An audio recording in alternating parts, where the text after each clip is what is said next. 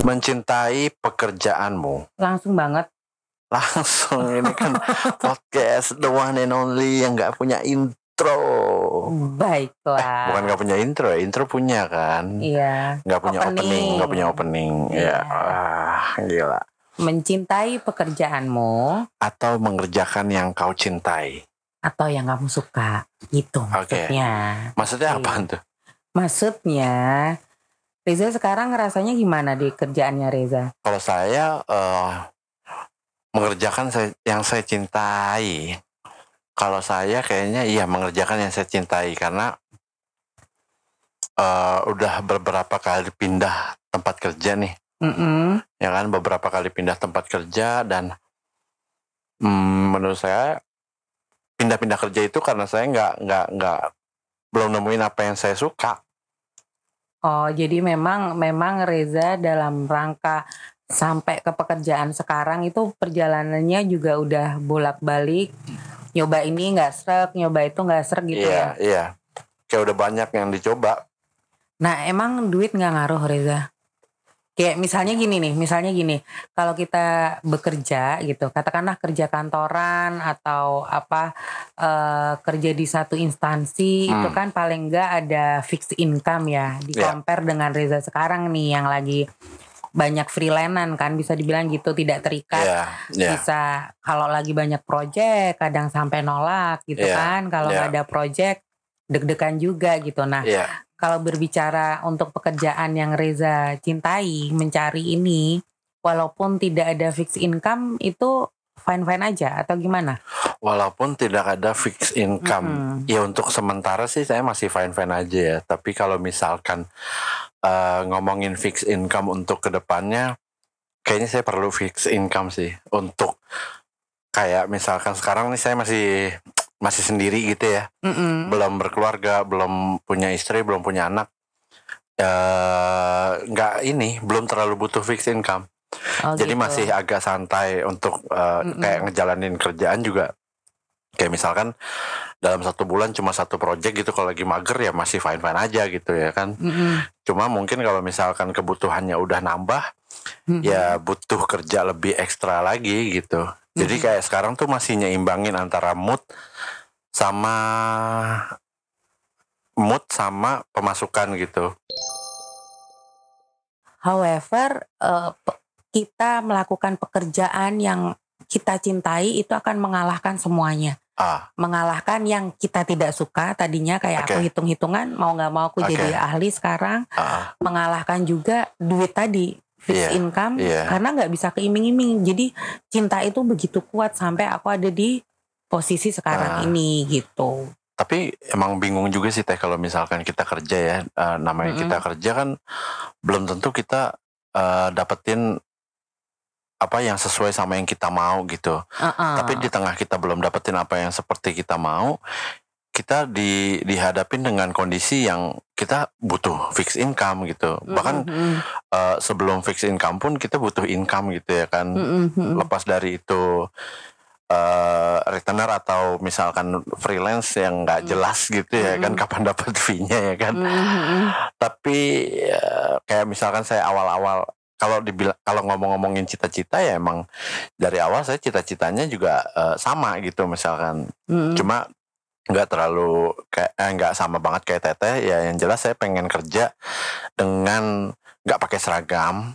Mm-mm. terus gimana pun caranya gua bisa kerja pakai celana pendek Mm-mm. sepatu cats Mm-mm. dan pakai kaos gitu bukan Iya. yang harus berkerah pakai dasi celana bahan sepatu pantopel aduh males Terus- banget Terus sebelum berangkat disemir dulu Reza. waduh disemir dulu itu, ya itu, iya kan? iya terus kena cipratan becek dikit Iya, dilap ya kan gitu. dilap-lap aduh males banget gitu ya kan terus misalkan keringetan ya kan apalagi eh, dengan kondisi saya yang gampang keringetan gitu ya kan waduh itu kalau pakai seragam ya gue butuh butuh seragam nggak lebih eh nggak nggak kurang dari satu pasti ya kan? Eh nggak Iya. kurang dari satu dua gitu pasti lebih. Lebih. Bahkan bisa butuhnya lima gitu ya kan?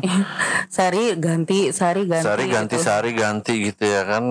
Eh, kalau ya itu kalau kantornya nggak ini ya. Mm-mm. karena pernah saya ada di satu kantor yang eh, itu berseragam dan seragamnya itu cuma dapat dua waktu itu. Iya iya itu aku juga tahu tuh. Aku juga heran gitu. Maksudnya kan kita kerja Senin sampai Jumat ya rata-rata lima Hmm. hari kerja. Tapi pembagian seragam kok cuma dua. Karena aku sempat bekerja di walaupun di marketing gitu ya Reza tetap pakai seragam dan dikasihnya cuma dua. Terus aku nggak habis pikir gitu Iya. kalau seragam itu ternyata dipakai eh, gantinya dua hari sekali gitu loh Reza. Iya, Walaupun aku iya. nggak keringetan ya. Tapi Iya. kayak lu pakai baju Iya. seharian terus nggak ganti besoknya kayak risih gitu loh Reza. Iyalah. Nah terus saya dikasih dua doang. eh dan kondisi kantornya tuh nggak nggak nggak kayak kantor-kantor yang biasanya gitu yang AC-nya dingin gitu. Ini Mm. tuh kantornya malah ya gitu gerah Mm-mm. gitu ya kan. Terus eh kayak jadi waktu itu kan di eh, kontraktor gitu kan saya kan. Nah Mm-mm, terus mm-mm. dari sana dari lantai satu ke lantai berapa gitu ya kan dari lantai satu ke lantai satunya lagi tuh kayak AC-nya belum nyala, belum ada eskalator, belum ada lift ya kan. Mm-mm. Dan kita harus jalan kaki gitu dengan kondisi AC-nya mati gitu ya kan. Ah, Aduh, kebayang deh naik turun tangga gitu ya kan. Mm. Eh, terus nyampe atas gambar gitu ya kan, nyampe bawah gambar gitu ya Mm. kan. Kayak gampang banget mancing keringat gitu dan Mm-mm. Ya nggak bisa ganti gitu ya kan Mm. udah basah gitu ya udah nggak bisa ganti biarin aja sampai itu satu kantor bau semua tuh itu hitungannya saya yang di bagian back office-nya gitu ya kan yang di bagian Mm. office-nya which is saya adanya di, di kantor gitu ya kan Mm-mm. di kantor cuma emang beberapa kali kan butuh eh, supervisi ke lapangan gitu ya kan Iya, iya. supervisi ke lapangan terus uh, misalkan harus lihat lantai 23 atau lantai berapa itu bener-bener exactly naik tangga Mm. dan Berarti pada saat posisi itu tuh Reza memaksa diri Reza mencintai pekerjaan Reza. memaksa diri saya mencintai pekerjaan saya benar Iya kan? Heeh. Itu rasanya gimana? Maksudnya akhirnya tetap kalah ya. Maksudnya kalau diomongin yang aku maksud? kalau diomongin rasanya pasti udah pasti nggak enak ya rasanya tapi uh, kalau ditanya gimana caranya Mm-mm. uh, karena wa- walaupun gimana juga walaupun saya nggak suka dengan kerjaan itu tapi nggak sepenuhnya saya nggak suka gitu ada Mm-mm. ada beberapa yang eh, pekerjaan itu tuh saya suka gitu sa- kayak salah satunya ya dengan kondisi saya yang nggak kuliah gitu ya kan Mm-mm. Eh, saya bisa kerja di kantor kayak gitu tuh udah Ada gengsinya lah ya. sebuah prestasi gitu Ah, bisa ah, ah. dibilang ya kan sebuah prestasi dan gimana cara supaya saya bisa mencintai pekerjaan itu ya dengan cara saya ceritain ke orang-orang kalau saya ini nih kerjaan gue ini nih gitu Hmm. begitu orang eh kayak weh gila mantep lah lu gitu-gitu Mm-mm. terus eh, mereka ngerasa saya hebat di situ saya ngerasa puas aja dan ngerasa ada kebanggaan sendiri dengan saya bekerja sebagai tukang gambar di kontraktor gitu ya kan di project kontraktor gitu Mm-mm. ya itu cuma itu doang aja caranya sisanya saya nggak suka dari Mm-mm. jam kerjanya ya kan dari Mm. cara kerjanya terus em, biasanya kalau dari dulu nih eh, saya kerja terus untuk saya bisa menerima eh, kerjaan nggak kerjaan doang sih dari sekolah dari sekolah tuh saya udah nerapin saya harus cari satu penyemangat saya apa Mm. untuk saya bisa eh, gampang bukan gampang ya untuk saya bisa nerima bahkan bisa dengan logowo gitu neri- eh, ngerjain apa apa yang apa yang nggak saya suka gitu Mm. kayak sekolah misalkan eh, minimal saya harus suka sama satu cewek nih misalkan Mm. sekedar suka doang aja udah nggak usah dikejar-kejar jadi ada motivasinya gitu setiap hari tuh kayak wah harus ketemu doi nih gitu ya kan Ah, ah, ah. pas kerja pun begitu ada waktu di proyek kontraktor itu ada satu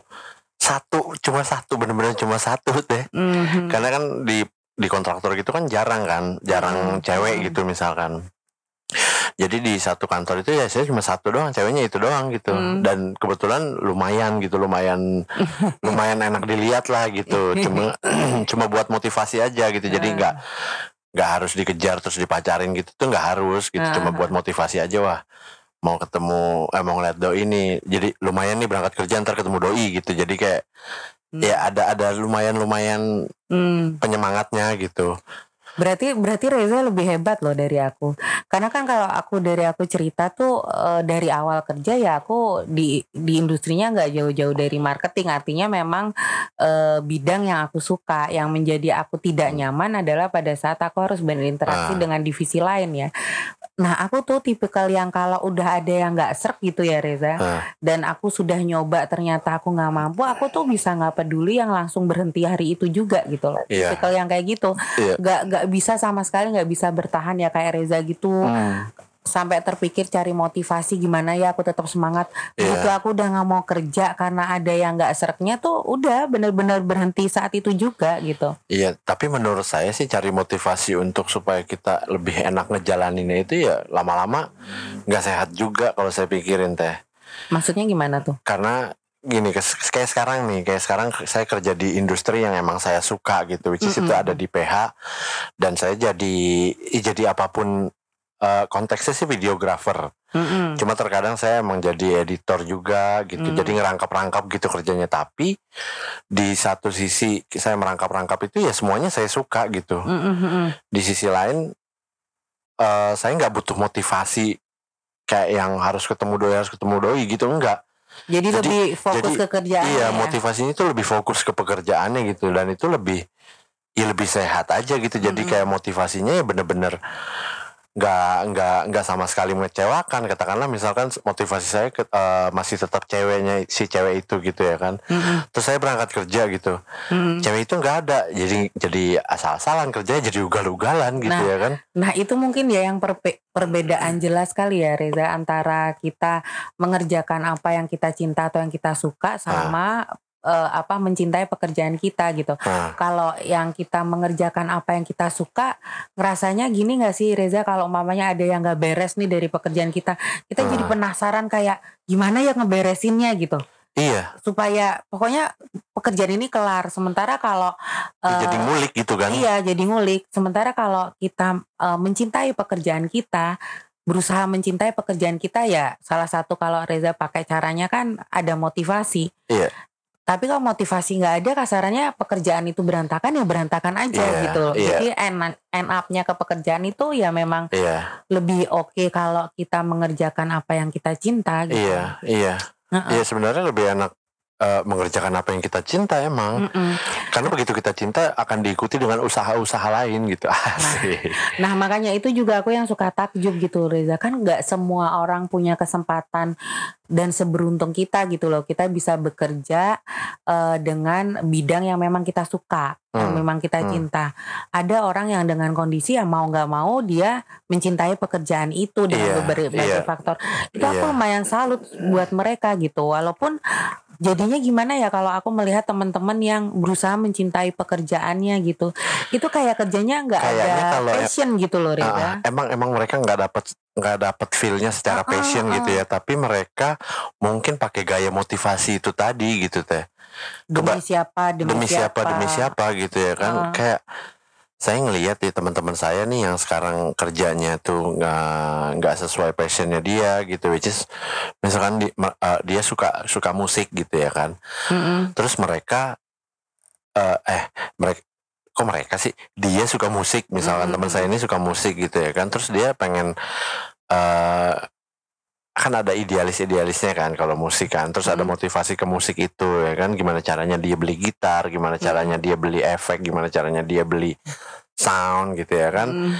ya dia kerja gitu begitu hmm. kerja dia akan ingat wah gue harus beli gitar nih bulan ini nih gitu hmm. misalkan gue harus nabung nih buat beli efek gitu misalkan atau kalau mereka uh, udah punya istri gitu, udah punya anak gitu ya kan. Mm. Wah ini gue harus tetap kerja nih supaya bisa ngempanin anak istri gue nih gitu mm. misalkan. Ya jadi pakai strategi motivasi itu sih menurut saya kalau mereka-mereka yang dapat kerjaan yang nggak sesuai passion gitu teh. Iya kan? Iya iya. Tapi kalau kalau kalau mamanya Reza sekarang nih di situasi yang sekarang kan ya bisa dibilang kan produksi film, iklan tuh kan menurun ya Reza. Ah, ah. Pasti kan berdampak di industri kita, di industri kita, berdampak juga ke teman-teman Iya. freelance gitu. Iya. Kalau sekarang ada yang nawarin Reza suatu pekerjaan dengan fixed income gitu, yang lebih stabil, walaupun pekerjaan itu nggak begitu Reza suka, Reza bakal ambil atau enggak? Kalau mikirin ego sendiri atau Mm-mm. mikirin idealismenya saya sih saya nggak akan ambil. Hmm, hmm, hmm. Cuma ya itu kalau misalkan kita kerja dengan passion kita gitu terus eh, kerja dengan idealisme kita gitu itu akan mengelupakan yang lain gitu teh. Iya ngalahin yang lain. kan? Ngalahin yang lain Ah, kalau ah, yang saya ah. rasa untuk posisi saya yang masih masih eh, lajang gitu ya, itu Mm-mm. bahaya. Karena akan segila itu dan si idealisme itu untuk ngejalanin pekerjaan dan melupakan semuanya gitu sehingga saya melupakan untuk eh, ya cari ini, cari apa namanya, cari pasangan untuk Mm-mm. ke depannya gitu. Mm-mm, Kayak ya mungkin nyari-nyari pasangan ada cuma asal-asalan gitu nggak kayak nggak kayak yang bener-bener cari pasangan gitu. Ada syukur nggak ada ya udah ada gitu. syukur nggak ada ya udah gitu ya kan. Ah. Yang penting gue kerja ya kan, yang penting gue seneng gitu ya kan. Mhm. Udah terlalu mencintai pekerjaan itu sehingga melupakan semuanya, Hmm. melupakan yang lain itu bahayanya sebenarnya. Hmm, hmm, hmm, Ya kan, sementara kalau misalkan kita kerja nggak sesuai passion kita, hmm, hmm. ya kita masih ada peluang untuk mikirin yang lain. Itu menurut saya Nah, kayak gitu. Nah, nih jadi ingat gara-gara Reza ngomong kayak gitu, ada rumor nih Reza, rumor yang bekerja di industri kita nih di entertain Ah, atau di PH, di agensi ya yang gak jauh-jauh dengan bidang Iya, kita iya. sekarang inilah tentang creativity ya. Jadi gini, bagi mereka yang akhirnya sukses di bidang tersebut di karir itu, itu pilihannya ada dua. Hmm. Satu, kalau nggak cerai mati. Hmm, Dalam arti ini, jangan artikan cerai itu literally cerai dan mati itu literally mati. Cerai itu dalam arti lu bakal single. Single tuh dalam waktu lama gitu. Oh iya iya. Itu maksudnya cerai. Iya, mati iya. itu dalam arti gini. Ya itu karena kerjaan kita tuh kan gila-gilaan ya. Iya iya. Jadi kayak di industri kita tuh langganan banget gitu orang tipes. Karena Iya pada dasarnya kan orang yang kerja di industri kita tuh kan orang-orang yang idealis ya iya iya. begitu udah nemu sesuatu nguliknya sampai segitu lupa waktu dan Lupa segala macam dan adalah beberapa teman ya kayak Reza gitu yang editing terus ketemu matanya tuh udah kayak panda gitu loh Reza Iya yang yang iya iya. hitam gitu ya beberapa kali kan Reza juga kayak Ah. gitu ya kan ditanya ternyata belum tidur dua hari gitu jadi Atau kalau misalkan kita eh, lama gak ketemu dia, sekalinya ketemu suaranya habis. Bener, iya, iya kayak gitu ya gitu, kan. kayak gitu. Jadi kayak sekarang aku aja deh ya beberapa teman itu kan Ah, juga Riza tahu kan yang Iya. maksudnya udah di posisi puncak-puncak ini Iya, semuanya single loh. Iya kan? semuanya single. Iya benar. Iya bisa dibilang semua semuanya single. Pilihannya kalau lu sehat ya paling lu sendiri karena ya itu. Bahkan terakhir kali yang Reza cerita ngikut salah satu Tapi tapi tapi teh Uh-uh. kebanyakan yang li- saya lihat single itu biasanya cewek loh. Iya, Cewek. Maksudnya yang cowok Iya ya mereka akan mencari cewek yang eh, kalau cowok gini, kalau cowok bisa ngakalinnya mereka bisa cari cewek yang emang istrinya itu orang rumahan. iya. orang rumah apa ibu rumah tangga dari real ibu rumah tangga Iya gitu yang yang yang masak ya kan kalau Mm-mm. pagi nyapu ngepel gitu ya Mm-mm, kan mm-mm. nah terus kalau misalkan eh, suaminya ninggal-ninggal ya dia nggak masalah gitu Iya. dengan ditinggal-tinggal gitu ya iya, kan sementara kalau cewek cenderung single. cenderung single karena dengan resiko eh, kerja yang kadang misalnya subuh kita subuh banget gitu udah berangkat gitu ya kan Mhm. kalau misalkan lagi pengen syuting gitu subuh banget udah berangkat terus pulangnya juga misalkan subuh lagi gitu ya Mhm. kan ya dengan pola kerja yang kayak gitu eh terus suaminya gitu kerjanya kerja yang normal gitu misalkan PNS gitu ya Mhm. kan Te- atau kerja kantoran yang eh yang kayak orang-orang tua pikirin gitu ya kan Mhm, pergi pagi pulang sore gitu ya kan ya mereka akan ngerasa gila eh istri gue tuh nggak punya waktu banget apa buat keluarga gitu Iya iya benar. iya Iya itu itu benar banget aku jadi notice sekarang beberapa teman cowok yang akhirnya di posisi tinggi itu biasanya istrinya ibu rumah tangga bukan wanita iya karir. iya Iya kan? kalau kalaupun ibu rumah tangga ataupun yang eh terlalu agamis gitu loh Iya iya iya. Iya. Bukan terlalu agamis, yang agamis. Yang agamis. jangan jangan Iya. terlalu yang agamis ya bener-bener yang perempuan solehah gitu Iya. yang yang Soleh ah.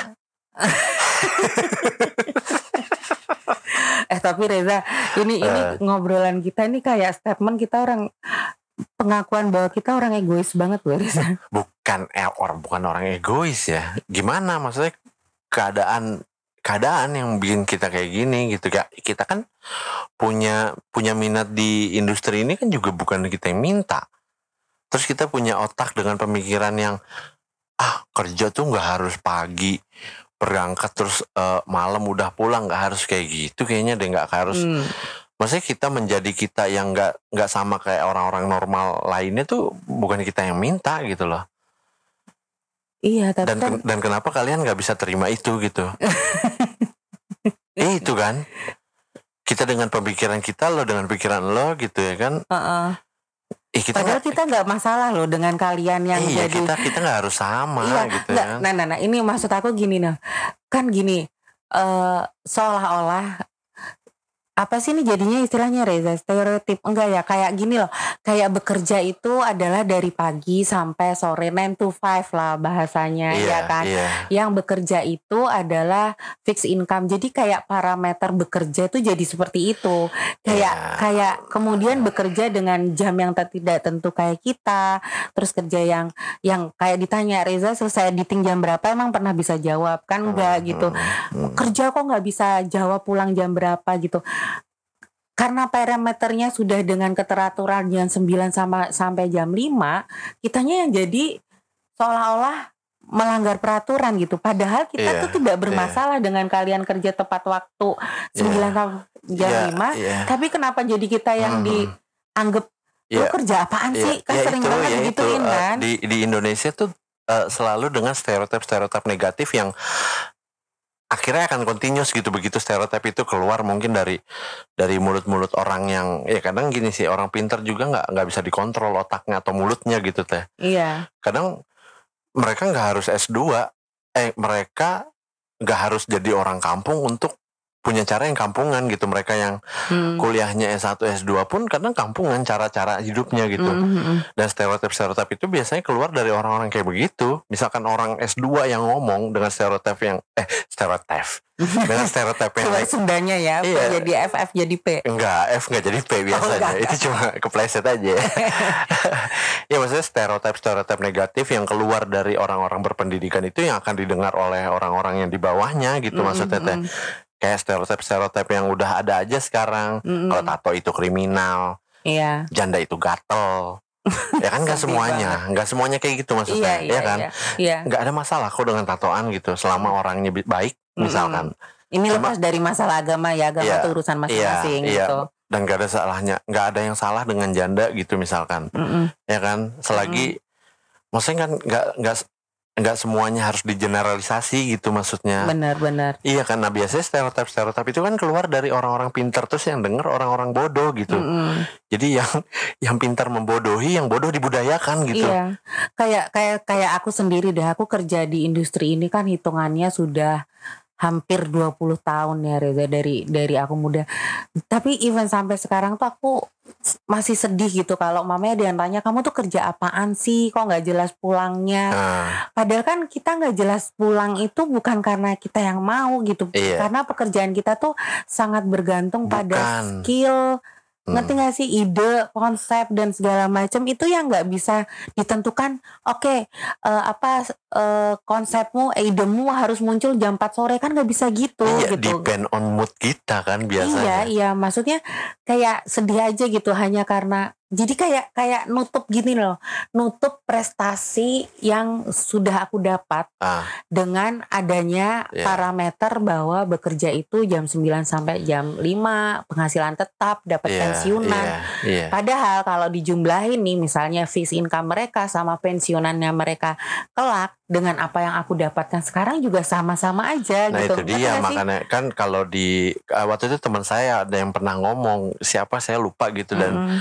dan di negara mananya gitu saya lupa juga kalau di pokoknya di luar negeri sana di luar negeri sana tuh eh PNS tuh nggak terlalu dielu-elukan kayak di Indonesia gitu. Mm-mm, mm-mm. Coba di Indonesia tuh PNS tuh selalu dielu-elukan gitu karena eh, ada ada tunjangan hari tuanya gitu loh teh. Mhm. Padahal misalkan kita nggak kerja PNS terus kita eh, bisa ngejar di masa-masa kerja kita eh, sebelum kita pensiun gitu ya kan Mm-mm, punya tabungan punya lah ya. tabungan ya itu kan sama aja sebenarnya Iya makanya, tapi itu kayak nggak ke- keliat gitu loh Reza Mm-mm, mm-mm. gitu. ya itu ngambil ngambil ngambil gampangnya aja sih simple plan Iya. rencana gampang. Iya, padahal padahal kan gini loh, ya seperti yang kita bilang tadi ya bahwa Hmm, kita sekarang mengerjakan sesuatu yang memang kita cintai dan kita Hmm, sukai. hmm. karena kan yang ngejalanin kita gitu. Kayak eh, pemikiran tersalurkan, ide-ide tersalurkan, ketemu orang-orang yang sepemikiran sama kita, kita jadi enjoy gitu. Jadi kadang ada rasanya iya. Emang gue nggak bisa Iya. banget ya enjoy pekerjaan gue tanpa Iya. lu cap begini cap begitu. Ngerti gak sih? Iya gitu. benar. Iya benar. Gitu kadang suka kayak gitu. Jadi gimana sih yang kadang ngejelasinnya? Kayak aku bahkan sekarang tuh bisa dibilang dari sisi karir mentok. Mentok tuh dalam arti sudah tidak ada jenjang yang lebih tinggi yang harus aku eh, raih lagi karena aku sudah di jenjang tertinggi di Ah, divisi aku gitu. Ah, mantap bukan pamer ya tapi memang kenyataannya begitu kan.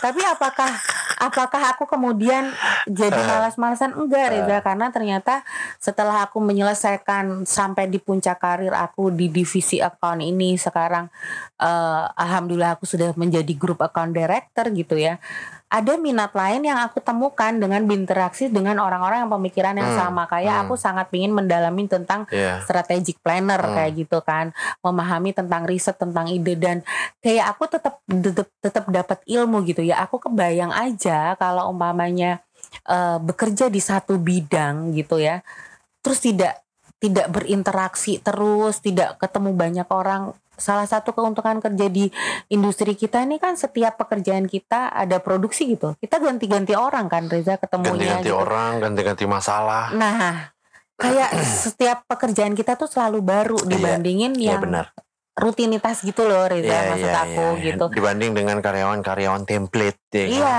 the point is walaupun aku sudah di puncak tertinggi, ternyata tetap ada lagi yang baru yang aku bisa dapat gitu loh Reza. iya Gitu yang yang Misalkan- mungkin aku nggak dapat kalau umpamanya itu di instansi. jadi karyawan kantoran gitu Benar. misalkan ya katakanlah misalkan ada yang komen nih, weh enggak lah kerja kantoran juga punya masalah beda-beda setiap hari. Ya masalahnya apa? Masalah kerjaan bukan. Iya, kalau masalah hidup gue juga beda-beda setiap hari. Iya, iya. Tapi aku bersyukur sih, aku bersyukur dan termasuk eh, merasa beruntung karena aku bisa bekerja walaupun tetap ada ya tadi ya stereotip negatif terhadap kamu tuh kerja apa gitu ya. iya Tapi aku sangat bersyukur sih bisa bekerja di bidang yang memang aku cintai dan menurut aku eh, kayak sekarang aku menerapkan ke anak-anak aku itu juga mereka tanya bunda gedenya jadi apa? Aku ya menjawabnya sesuai pengalaman aku cari bidang yang memang kamu sukai dan aku kamu cintai sehingga pada saat Iya. kalian melakukan itu kalian tidak merasa terpaksa karena begitu merasa terpaksa tuh kesiksa banget sumpah. iya kesiksa banget jadi kerja tuh kayaknya aduh ogah-ogahan gitu ya kan Jangan kata kerjanya berangkatnya aja loh udah berat. Iya berangkat terus bangun ya kan terus malam misalkan eh mau begadang jadi mikirin ah besok kerja lagi ya kan Mm-mm. jadi kayak gitu-gitu loh Mm, mm, mm.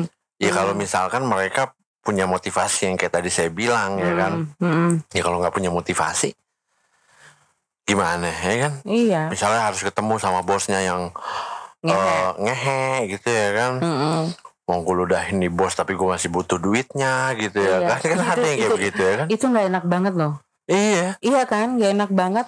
ada tuh teman-teman saya tuh beberapa teman saya yang kerja setiap hari postingannya keluhan terus ya kan Iya. ya cuma setiap hari lu berangkat men lu Iya. ngapain sih ya kan? Nah itu itu juga yang salah satu suka aku bingung. Lu ngeluh-ngeluh pekerjaan lu, tapi lu nggak berani menyatakan berhenti dan nyari bidang yang memang kamu suka gitu. Hmm. Lu komplain, lu ngeluh, tapi lu tetap digaji sama Iya. situ gitu. Kayak iya buat aku ya maaf maaf itu kayak jadi munafik banget gitu loh iya kayak, Reza. kayak lu berharap tapi lu eh ngomong di belakang gitu ya kan Iya. yang ngeluh itu kan termasuk ngomong eh tapi saya belum ini deh belum benar-benar tahu dunia entertain itu sebenarnya bidangnya apa aja sih deh maksudnya entertain itu apakah cuma industri kita apakah kayak bartender itu bisa dibilang a- entertain Enggak, kalau bartender enggak enggak enggak bartender enggak entertain ya. Dia masuknya ke, ke food and beverage ya. F&B ya? Iya, maksudnya maksudnya ke situ.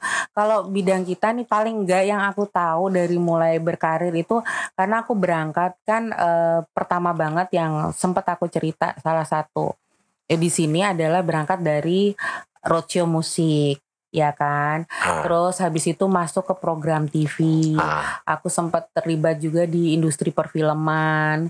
Kemudian sempat terlibat di sinetron ah, sampai akhirnya bener-bener aku fokus di advertising ini Ah. gitu kan. Ah. nggak jauh-jauh dari bikin iklan. Iya. Terus habis itu sempat lima tahun terakhir, enam tahun terakhir, which is udah, udah bareng Reza juga, kita kan sama-sama nyemplung nyemplung di activation, Iya. Ya kan? Ah. Dan menurut gue activation itu masih di lingkungan entertain ini, Oh, ya iya, kan? iya, iya, iya. Di activation, activation pun sekarang kan berkembang kan Reza dari on ground, maksudnya bener-bener ngajain event, Ah, sampai dengan activation yang sifatnya online atau Iya. digital. Sekarang Iya. kan berkembangnya seperti itu. hmm. Terus ap- habis itu mulai nih eh, sub bidang-bidangnya jadi kayak akhirnya aku ketemu teman-teman oh ada loh di production house tuh ternyata ada anak artnya sendiri yang khusus ngurusin properti. Hmm, iya. itu loh. Jadi kayak akhirnya aku jadi tahu oh ini larinya ke sini larinya ke sini contohnya yang tadinya kalau aku nggak into sama teman-teman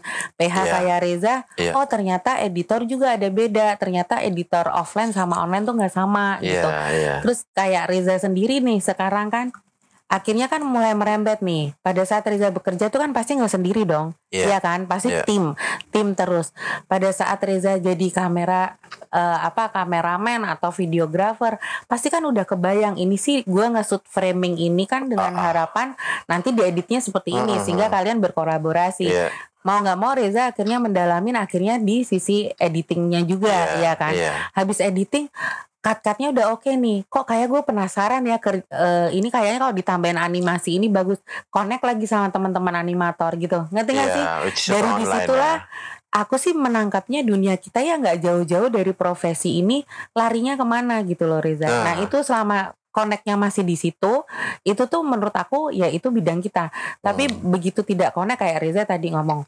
bartender. Tapi ada Reza di industri kita namanya food stylist Oh iya benar. food stylist itu misalnya nih kita syuting susu iklan susu itu susunya belum tentu susu tapi bisa pakai cat warna putih Ah iya, Nah, see. itu- itu adalah orang art yang bikin tapi nanti yang menentukan tingkat kekentalan seperti apa itu adalah food stylist nah Iya. menurut aku food stylist itu Iya. masih di industri kita karena Ah. nggak dia melihat makanan bukan dari taste tapi dari sisi visualnya dari sisi coloringnya kayak gitu loh Reza Tapi teteh udah pernah udah pernah nyemplung di eh, produksi stop motion, video stop motion. Stop motion itu beberapa tahun lalu sempat ada tapi kemudian hilang karena kalah dengan animasi di mana animasi mulai berkembangkan dari 2D kemudian eh, ke 3D dan segala macam. Nah, sekarang nih dengan tuntutan menciptakan konten-konten digital yang bervariasi, nah sekarang stop motion tuh mulai muncul lagi. Cuma secara teknis kalau dibandingin aku ditanya teknis tentang how to develop, develop animasi itu aku lebih bisa menjelaskan animasi. Hmm. Tapi kalau stop motion tuh nggak bisa. Bukan aku, aku belum pernah nyemplung langsung secara technically dalam project yang menggunakan stop motion Iya. gitu. Nah, nah, stop motion itu eh, ada eh apa namanya stop motion stop motion artis gitu. Mm-mm. Jadi si stop motion artis itu juga sama kayak food stylist gitu dia tahu.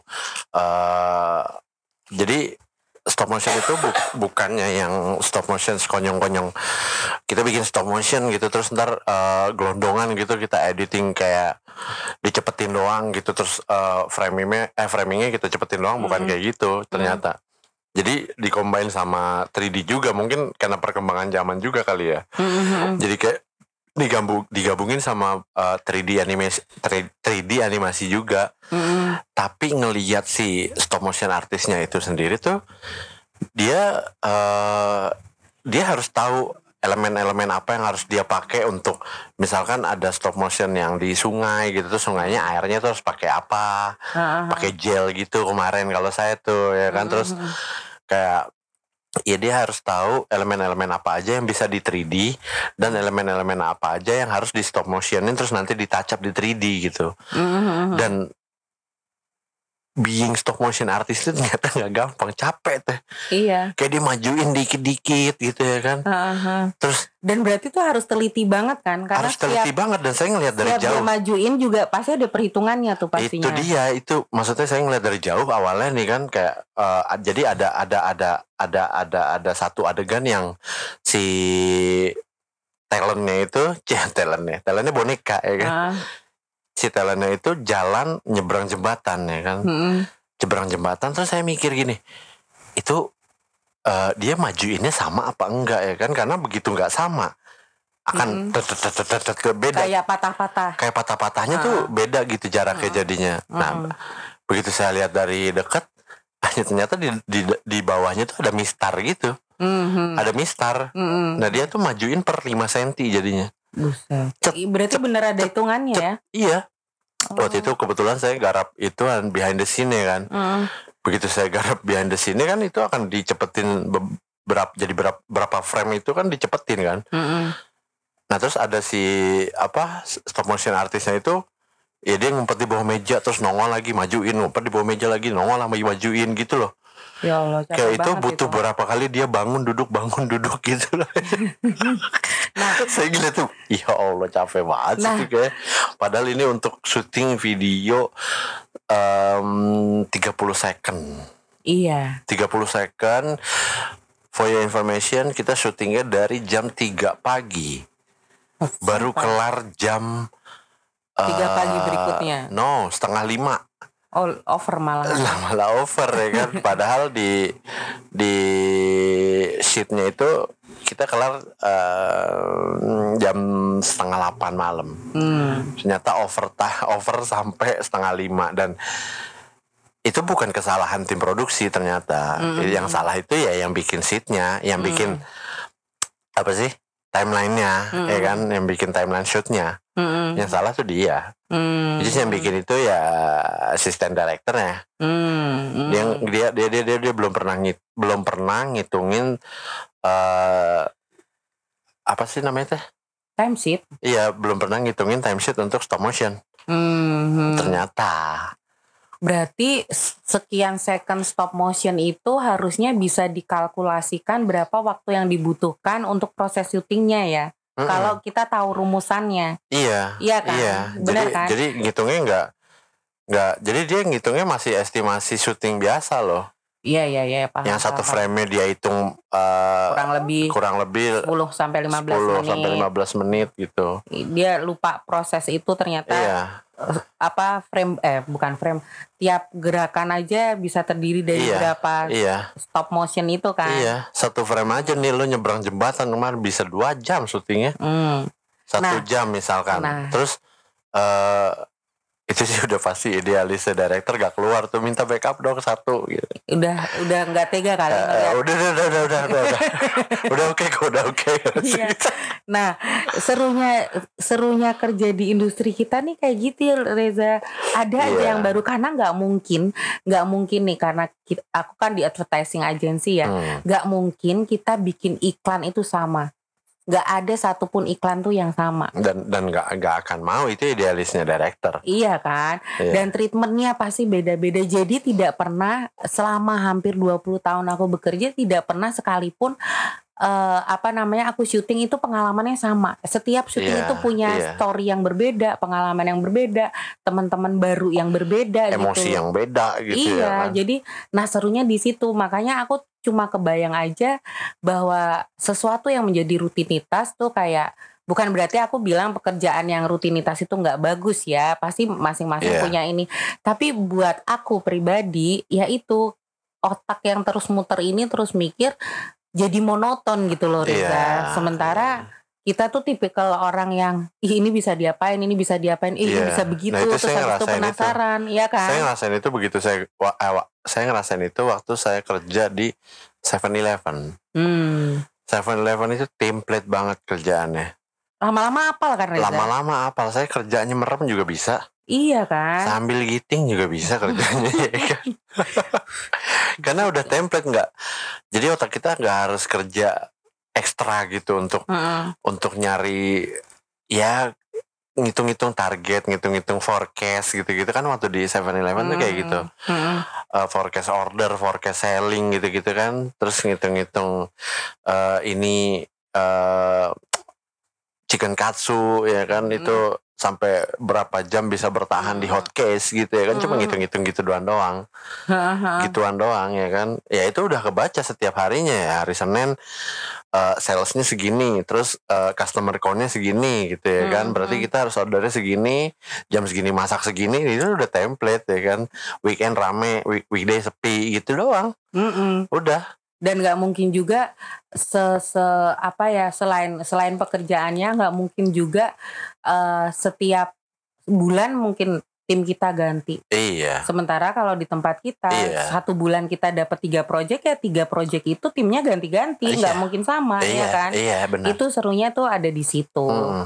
jadi menurut aku ya kembali sih ke masing-masing tapi kalau kita boleh memilih dan memang sudah memilih ya kalau aku pribadi tetap pekerjaan yang aku cintai dan aku sukai itu yang akan aku lakuin gitu Iya, tapi ada ada juga orang-orang yang eh dia nggak tahu passionnya dia apa gitu. Begini maksudnya, eh passion itu biasanya diikuti dengan skill, Hmm, diikuti sama kemampuan gitu, mis, em, keahlian gitu ya iya. kan. Mm-mm. Kan ada teh orang-orang yang nggak punya hobi gitu. Nah, mungkin dia punya hobi, cuma dia nggak punya keahlian gitu. Mhm. Dan keahliannya itu nggak bisa di, di, di, di, diduitin gitu. Mhm. keahliannya itu kayak contoh paling simpel ya mabok gitu ah ya kan mabok lu bisa duitin cuma beresiko banget men ya kan terus jualan bir gitu maksudnya ah jualan bir jualan narkoba gitu ya maksudnya ada orang-orang yang kayak gitu cuma dia tetap tetap menolak beberapa pekerjaan yang yang dengan alasan ah ini bukan passion gue gitu. Ah. sehingga passion itu jadi nggak penting gitu buat beberapa orang. Oh paham paham. Di tengah dia nggak ngerti passionnya apa. Iya padahal eh, kata-kata ah gue nggak mau kerja ini itu bukan passion gue. Tapi nggak diikutin dengan dia mencari apa passionnya dia terus apa iya iya paham. terus dia nggak punya keahlian gitu ya kan. Terus lo kalau nggak punya keahlian emang bisa disebut lo eh, punya passion gitu. Mhm. kan enggak menurut saya sih ada orang-orang yang kayak gitu teh. Jangan sedih. Dari dari tadi aku diem tuh justru mikir emang ada ya orang yang nggak ngerti apa yang dia suka atau apa yang dia mau gitu loh. Bukan bukan nggak ngerti ya. Eh dia tahu apa yang dia suka gitu. Hmm, dia tahu apa yang dia mau gitu. Hmm, tapi eh yang dia mau dan yang dia suka itu hmm, nggak bisa dijadiin duit gitu nggak bisa dijadiin kerjaan gitu maksudnya hmm, itu tuh nggak Oh, itu iya, tuh iya, nggak iya, bu- nggak paham, butuh skill gitu. Hmm, yang dia minatin itu nggak punya nggak nggak butuh skill. Hmm, semua orang tuh bisa ngelakuin itu gitu loh. Hmm, hmm, hmm, ya kan? Hmm, hmm. ada orang-orang yang kayak gitu itu ada. Ada. Terus gimana? Ada. Ya kalau udah kayak gitu ya udah mending kerja yang yang jelas-jelas aja gitu Reza. Iya walaupun nggak sesuai sama minatnya dia gitu ya kan. Iya. Ya udah terima aja lah gitu ya kan. Iya. Ya mau mau gimana lagi? Mhm. ya kan? Iya. Sementara dia dia nggak punya apa nggak punya keahlian terus dia nggak punya skill ya kan. Mhm. dia bilang kerjaannya yang dia dapetin bukan passionnya dia gitu ya kan terus lo mau ngejar apaan gitu? Tapi tapi salah satu yang aku aku suka dari Reza dan belajar dari Reza itu tuh gini ya aku kenal Reza dari Reza nggak tahu apa-apa tentang industri ini gitu Ah. ya tapi terus diajakin diajakin tapi kan Reza akhirnya nemu mana yang Reza suka dan Hmm. yang aku appreciate dari Reza juga itu adalah pada saat misalnya Reza tuh ingin sesuatu mungkin sesuatu itu pada saat itu yang Reza inginkan nggak nggak belum punya duit lah untuk mewujudkan apa yang Reza mau. Tapi Reza tuh nemu aja gitu jalannya.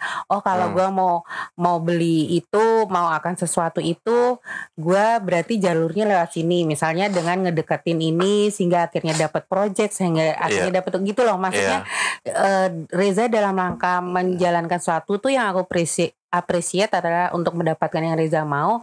Reza tuh usaha, oh connect ke sini, connect ke sini, connect ke sini. Oh, Iya, ujungnya akhirnya dapetin apa yang Reza mau gitu loh. iya. Ya Pak, mau harus kayak gitu gak sih? Ya itu yang benernya. Tapi Iya. kan ada, ada juga yang sudah di depan mata dikasih linknya. Oke kalau lo mau gini, lu lewat jalur sini. ja- Tapi dia kan nggak ngejalanin. Ada yang kayak Ah, gitu. iya, ada, ada. kan. Ada yang Terus- kayak gitu. Terus lo ngapain nanya ke gua kalau lo udah gua bukain jalannya tapi lo nggak effort dan nggak ngupayain itu. Nah kalau Reza Hmm. tuh kan teh saya pingin begini-begini terus aku kasih tahu berarti ke sini Reza ke sini dan Reza tuh ngejalanin itu bahkan kadang caranya Reza tuh lebih oke dari yang aku sarankan gitu. Iya, Oh setelah lewat sini teh ternyata bisa lewat sini lewat sini gitu loh itu yang Iya. aku appreciate. iya. Ada orang yang enggak loh Ada Reza. orang yang enggak emang iya. Mm-mm. Oke, waktu itu waktu uh, waktu kita ngejalanin event ada satu orang yang kita ajak ya teh. Mm-mm. Bahkan saya masih masih ingat orangnya. Mm-mm. Eh itu udah parah banget sih di zaman yang serba digital sekarang tuh dia masih ngitung-ngitung Oh iya, manual ya itu. kan nulis terus Iya. dia eh padahal waktu itu udah saya kasih udah saya kasih jalan lah ini nih lo coba eh saya kasih pinjem laptop waktu itu ya kan Iya. saya kasih pinjem laptop terus saya bikinin em, Excelnya udah, Udah. dibikinin rumusnya juga. Udah dibikinin rumusnya juga, lo tinggal nginput, lo tinggal isi. Jadi manual catatan lo itu lo input di situ, ceprot ceprot ceprot gitu Iya. loh. Tetap lo dia nggak mau, udah manual tulis aja. tangan. Tetap tulis tangan Jadi gitu. mikir bikin laporannya ke kita itu pakai buku yang ditulis tangan gitu. Iya. Terus yang input suruh gue lagi, gue lagi. Dengan alasan gue tuh nggak bisa eh, kalau umpamanya ngitung-ngitung itu nggak nulis lah kan udah nama ada teknologi namanya Excel yang tinggal lu tinggal ngerumus masukin angkanya dia ngerumus sendiri udah keluar angkanya itu itu Iya. gemes sih itu ya gemes. itu. Nah itu yang aku maksud terus Reza kan dia sudah dibukakan jalan kan dan sudah Udah dimudahkan dibukakan jalan. tapi dia even nggak mau nyoba gitu loh Reza maksud Iya, dan- aku Dan dia dia nggak mau nemuin nggak mau nemuin passionnya gitu dia nggak mau nggak mau kejar passionnya gitu teh iya Karena waktu itu di satu hari tuh pernah dia bilang sama saya, men, eh gua kalau misalkan event lagi, jangan jadi TL dong, jadi supervisor kata dia gitu. Mm-mm. Eh men, lo kenalan dulu aja sama PowerPoint, sama Excel gitu ya kan. Kalau lo udah akrab sama mereka, baru lo bisa jadi supervisor. Ini selama lo masih manualan, ya kan? Heeh. Gimana?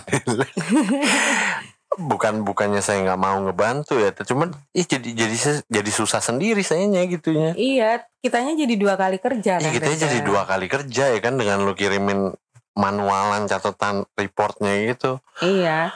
Terus, Terus, aku iya. akunya juga berhenti. Udah begitu tahu TL-nya dia atau supervisornya udah aku diem aja karena percuma kayak mau dikasih tahu apa pun, dikasih jalan apa pun ya dia nggak akan pernah nyoba. Iya, Iya tuh kan ada cicak tuh. Artinya benar iya, kata-kata iya. kita ya. Terus yang konyolnya lagi eh dia kan nggak ini, nggak apa namanya? Ya emang dia orangnya nggak terlalu terlalu nggak terlalu intens sama handphone gitu. Hmm. Terus wak- ketika kerja dia susah banget dihubungin gitu teh. Mm-mm. dan handphonenya tuh ini nih salah satu yang saya sebel sama orang-orang yang handphonenya suka di silent gitu ya Mm-mm. apalagi dia suka lupa naro gitu ya kan Mm. susah dikabarin gitu ya kan Mm, terus kayak di WhatsApp balasnya lama gitu eh begitu dia dia pulang dari event saya tanya men lu gua WhatsApp WhatsApp tadi gua nanya update eh update eventnya gimana? Lu nggak jawab jawab ya sorry men gua nggak nggak ini nggak nggak megang-megang HP tadi pas event gitu ya kan. Ya lu lu lihat lah beberapa jam sekali kayak gitu ya kan. Berapa menit sekali kayak lu lihat handphone gitu ya kan. Lu kan lu harus update gitu ya kan. Mm-mm. ya kalau lu nggak mau megang handphone lu jadi ini aja. Jadi jadi yang ngangkat-ngangkat gitu jadi kru lah gitu misalkan ya kan. Mm-mm. ya lu jadi itu aja. Ya sorry emang gue orangnya nggak ini nggak nggak nggak suka nggak terlalu autis banget sama handphone ya. Bukan nggak autis banget sama handphone gitu kan. Lo namanya lo kerja di di industri ini lo harus harus keep update karena lo kerja mobile gitu ya kan. Iya, iya. kecuali lo kerja yang bos lo ada di satu ruangan sama lo gitu ya kan Iya. iya lo nggak perlu ngeliat handphone nggak apa-apa gitu Iya, tinggal diteriakin sama bosnya. Iya ini Sini. bos lo di mana, lo di mana gitu ya kan masa lo harus disamperin terus gitu ya kan susah kan kayak gitu kan Mm-mm. ya merem gitu merem teknologi gitu teh orang-orang teknologi. Sementara itu nggak boleh tuh di industri kita merem teknologi, ya kan? Sekarang update yang terjadi juga kayak creativity juga ada yang teknologi base gitu loh, Reza. Iya. Apalagi kalau kita ngomong konten-konten digital gitu Iya. sekarang gitu. Nah ini nih serunya industri kita tuh berkembang seiring zaman gitu loh. Aku kebayang aja kalau bekerja kayak misalnya gini, contohnya jadi Hmm. perawat Hmm. perawat dari zaman bahula sampai sekarang yang ngurusin orang sakit kan Reza Mm-mm. kayak gitu itu loh maksud Iya. kerjaan kerjaan Iya. ya seiring bertambah eh, zaman ya dia kerjanya ngurusin orang sakit gitu Iya. Ya kalau saya misalkan masih kerja di 7-Eleven juga misalkan saya jadi kasir, ya kasir dari dulu juga iya. Ya kan? Orang bayar gitu, orang bayar kita ngitungin kita sebutin dia ngasih duit kita kasih kembalian iya. kita kasih barangnya ya kan? Iya benar. Yang beda itu paling eh, device untuk input belanjaannya paling beda gitu ya Iya. kalau dulu masih pakai mesin tik misalkan ya kan yang iya yang keyboardnya timbul-timbul gitu ya Iya. kan sekarang udah touchscreen gitu ya Iya. kan ya paling yang beda itunya gitu ya Iya, kan tapi pekerjaan yang kita lakukan tetap sama kan. Being Iya, kasir ya iya. udah terima Iya, bayaran, iya, ngasih kembalian, iya, iya. input data barang yang terjual gitu. Iya. Dari dulu sampai sekarang ya akan seperti itu. Sementara kita iya ker- kerjaannya dari dulu sampai sekarang ya syuting, editing, syuting, editing. Tapi yang kita syuting itu selalu berbeda, yang kita edit Iya. treatmentnya selalu berbeda. Itu serunya ada di situ. iya yang kita lakuin tuh nggak pernah sama dari masa ke masa gitu ya kan Iya. Ya, Aku- aku apalagi merasakan- kita kita eh apalagi semakin ke sini tuh semakin semakin ada profesi-profesi baru gitu yang Iya. yang yang yang yang akan ngebantu kita untuk eh, ngikutin perkembangan zaman gitu loh teh ya Benar-benar kan? gitu ceritanya. Jadi Iya. Jadi ya kembali ke kalian sih ya mau mau melakukan pekerjaan eh, memilih pekerjaan yang kalian cintai atau mencintai pekerjaanmu. Tapi yang jelas apa pun yang kalian pilih ya lakukan dengan motivasi gitu loh, lakukan dengan passion. Udah orang nyari kerja susah, eh udah dapat pekerjaan ya kayak yang Reza cerita tadi, dikasih masukan atau apa, ndablek Mm, aja mm. tetap gitu-gitu aja. Dan kalau mau kerja sesuai passion ya harus punya passion dulu bro.